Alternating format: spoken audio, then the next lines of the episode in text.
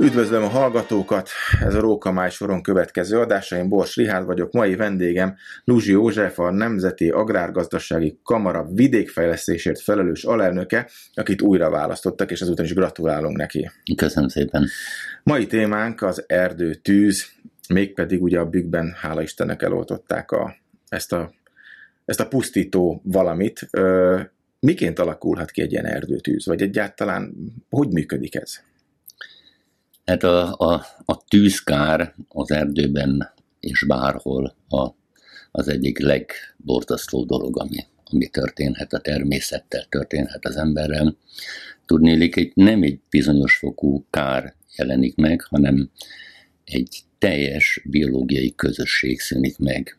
A maga növényvilágával, fás lágyszáróakkal, állatvilágával, főleg gondolok itt a rovarokra, kétéltőekre, a csőkösvornak még van menekülési lehetősége, tehát a tűz az, ami, ami, ami mindent szó szerint föléget maga körül.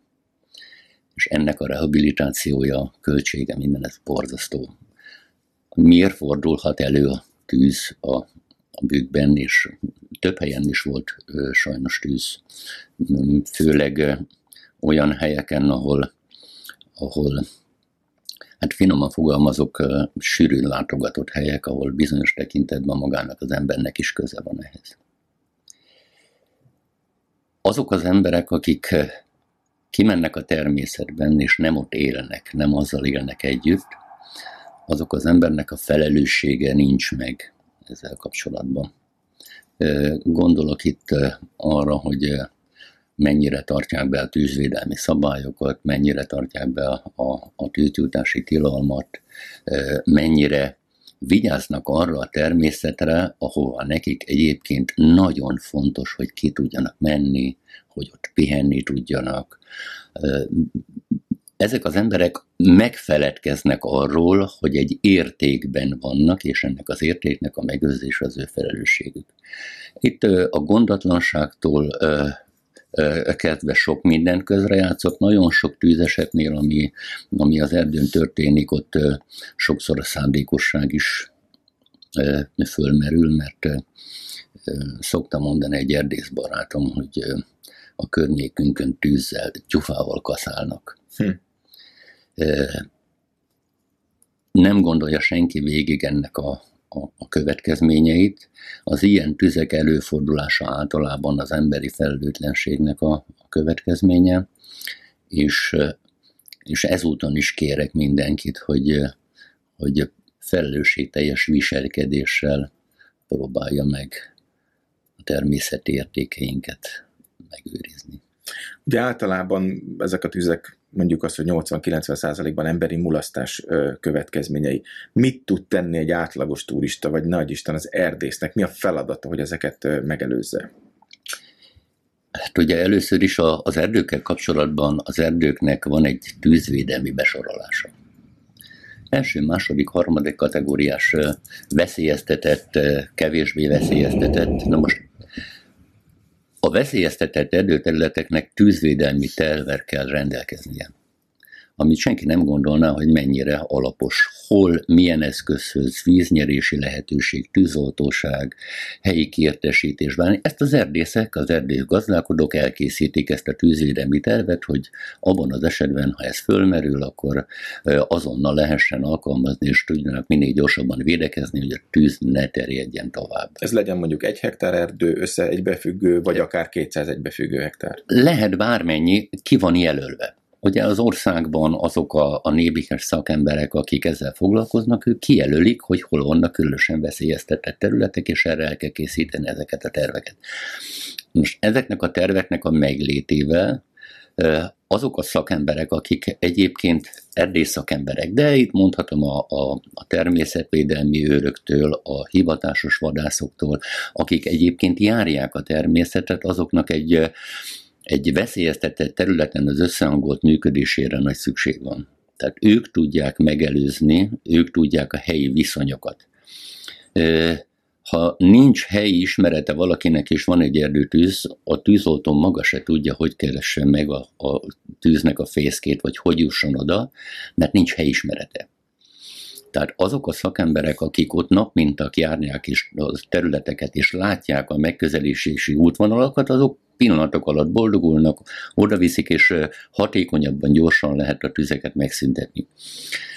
A, az emberek, akik egyébként, mint ahogy, ahogy mondtad te is, hogy, hogy zömében felelősek ezért, azoknak pedig ezek a szakemberek bizonyos tekintetben egy, egy leckét is adnak, mert nagyon sok mindenkit figyelmeztetnek, mit szabad.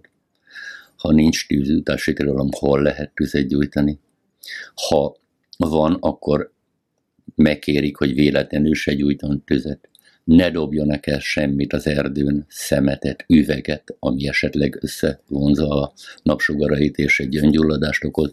Tehát sok olyan tényező van, ami a tűznek a megszüntetésére szolgál, és itt megint ember és ember közötti kapcsolatokról van szó. Ugye a pusztító erejéről köztudomást, tehát arról nem nagyon kell beszélni, mert mindent eltakarít. Viszont a vadállomány el tud menekülni, de mennyiben károsul? Tehát mérték ezt valahogy, hogy mennyi idő után veszi újra birtokba ezt a területet? Mennyire stresszel be tőle a vad?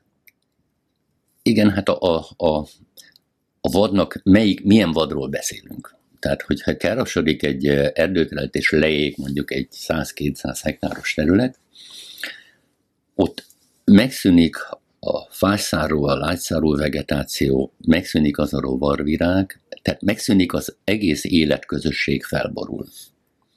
Ugye most miről beszélünk? Ez egy sivár táj lesz, ahol nincs táplálék, nincs élőhely, nem tud elbújni, ugye vannak mire van szüksége? A biztonságra, a nyugalomra, a táplálékra, a vízre, minden megszűnik, ami az életnek alapfeltétele. A vad, a csürkös vad innen el tud menekülni. De hogyha van egy olyan időszak, mint ami most a költési időben, mennyi madár fészek semmisül meg és ég le. Az a rovarvirág, ami ott van, az mind meg semmisül. A csürkös vad az kis tűzből ki tud menekülni, mert megvan hozzá az érzéke is. De de neki meg az élettere szűnik meg, nem tud táplálkozni, nem tud elbújni. Na most át kell helyezni neki az életterét máshová, mert mint tudjuk, nagyon sok volt bizonyos tekintetben tartja a helyét. A vadállomány számára is igen komoly következményekkel jár egy ilyen erdőtűz. Egyik részen nagyon megsínli, a másik része kivédi, és egy ilyen tűz után sok-sok évnek kell eltelnie, hogy ismét egy komoly vegetáció legyen, ismét meg legyen az élettér, és ugye az erdőtörvény szerint, ahol megsemmisül az erdő, ott újra erdőt kell ültetni, tehát van egy felújítási kötelezettsége a gazdálkodónak, ami másféltől 5-6 millió forintig terjed hektáronként, bár a az új vidékfejlesztési jogcímek között van egy erdőpotenciál támogatási rendszer, ahol bizonyos fokig a, kár megtérítését lehet kérni. Hogyan lehet ezeket a károkat reálisan felmérni? Hát, mint ahogy az erdőgazdálkodásban minden egyes műveletnek, minden egyes technológiához lévő műveletnek megvan az értéke, hogy mit, hol, hogyan kell elvégezni ahhoz, hogy valahol egy új erdő létesüljön. De itt a kár mértéke nem csak annyi, hogy új erdő létesül, hanem leégett az erdő, tönkrement. És az lehet 10 éves, lehet 80 éves. Ugye az a gazdálkodó, az a tulajdonos, akinek leég egy 80 éves erdeje, az semmi hozadékot nem hozott addig, és egy óriási kára van amiből a faanyagot szinte semmire nem tudja használni. Tehát egyfelől van egy eh, lábon lévő faanyagérték, eh, másfelől van egy felújítási kötelezettségi érték, a harmadik meg hát van egy természetvédelmi értéke. Ott ö, megszűnik a vegetáció, ott egy, egy teljesen más mikroklíma alakulhat ki, tehát a kár az egy halmozott dolog most, hogy mire vagyunk kíváncsiak a károk fölmérésénél. lehet készíteni mindegyik variációjára egy-egy kárférmérést. Sokszor a gazdálkodók nem is nagyon merik ezeket a károkat értékelni, mert megijednek, olyan számok jönnek ki, és a kötelezettségét meg minden erdőgazdálkodó, minden erdész tudja reális gondolkodással azért a helyreállítás egy olyan szakaszát kell megfogni, tehát úgy kell ezt fölépíteni, hogy utána rendes rendes, rossz a szó, tehát normális erdőközösséget kapjunk újra. Ez körülbelül mennyi idő alatt jön létre, amíg mondjuk maga a rovalvilág is birtokba veszi ezt az egészet? Hát én ebben Ugye nem vagyok. Említetted, hogy a talaj is nagyon sérül, tehát mennyi az, a, az az idő, amikor már azt mondjuk, hogy igen, újra elkezdődött egy folyamat? Nem vagyok ebbe szakember. A napi gyakorlatot tudom mondani, mert több helyen volt sajnos erdőtűz, ahol mi is szakirányítunk, és rálátásunk van erre a kérdésre. Egy fafajtól függ, de egy, egy értékes őshonos fafaj, egy tölgyes, bükkös felújítása az tíz évet is igénybe vesz, amire ott egy zárt erdőborítás jön létre. Mire ott regenerálódik a talaj, az ajnövényzet, a fászárúak, a lágyszárúak, de akkor még egy teljesen más korú erdő jön létre, teljesen más összetevőkkel, itt akár növényi, akár állati összetevőkre, illetve, bocsánat, nem összetevőkre, hanem létszámra gondolok. Teljesen más egy, egy száz éves bükkösnek a, a, az ajnövényzete és a, a vadeltartó képessége, vagy a, a, a vegetációhoz kapcsolódó rovar növény állatvilága, mint egy, egy tíz évesé. De ezek az erdők a szakemberek kezemunkája után rehabilitálódnak. De tegyük hozzá, hogy a természet erejének nagy-nagy szüksége van az emberre, mert a természet sokszor csodákra képes. És ugye annak idején azt mondták, a, a, az erdő csak úgy volt, az erdőből az ember fát vágott ki, mert szüksége volt rá, hogy nyersanyag és energiaforrása legyen. Miután kezdte kizsákmányolni az erdőt, rájött, hogy szükség van szakemberre, ekkor született az erdész.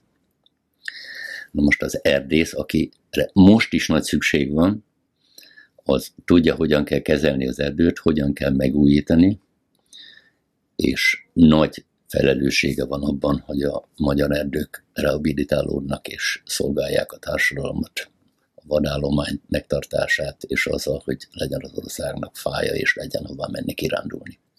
Nagyon jó zárszó, elcsépelt mondat, vigyázzunk környezetünkre, de szerintem elengedhetetlen. Így van. Köszönöm szépen Én a beszélgetést.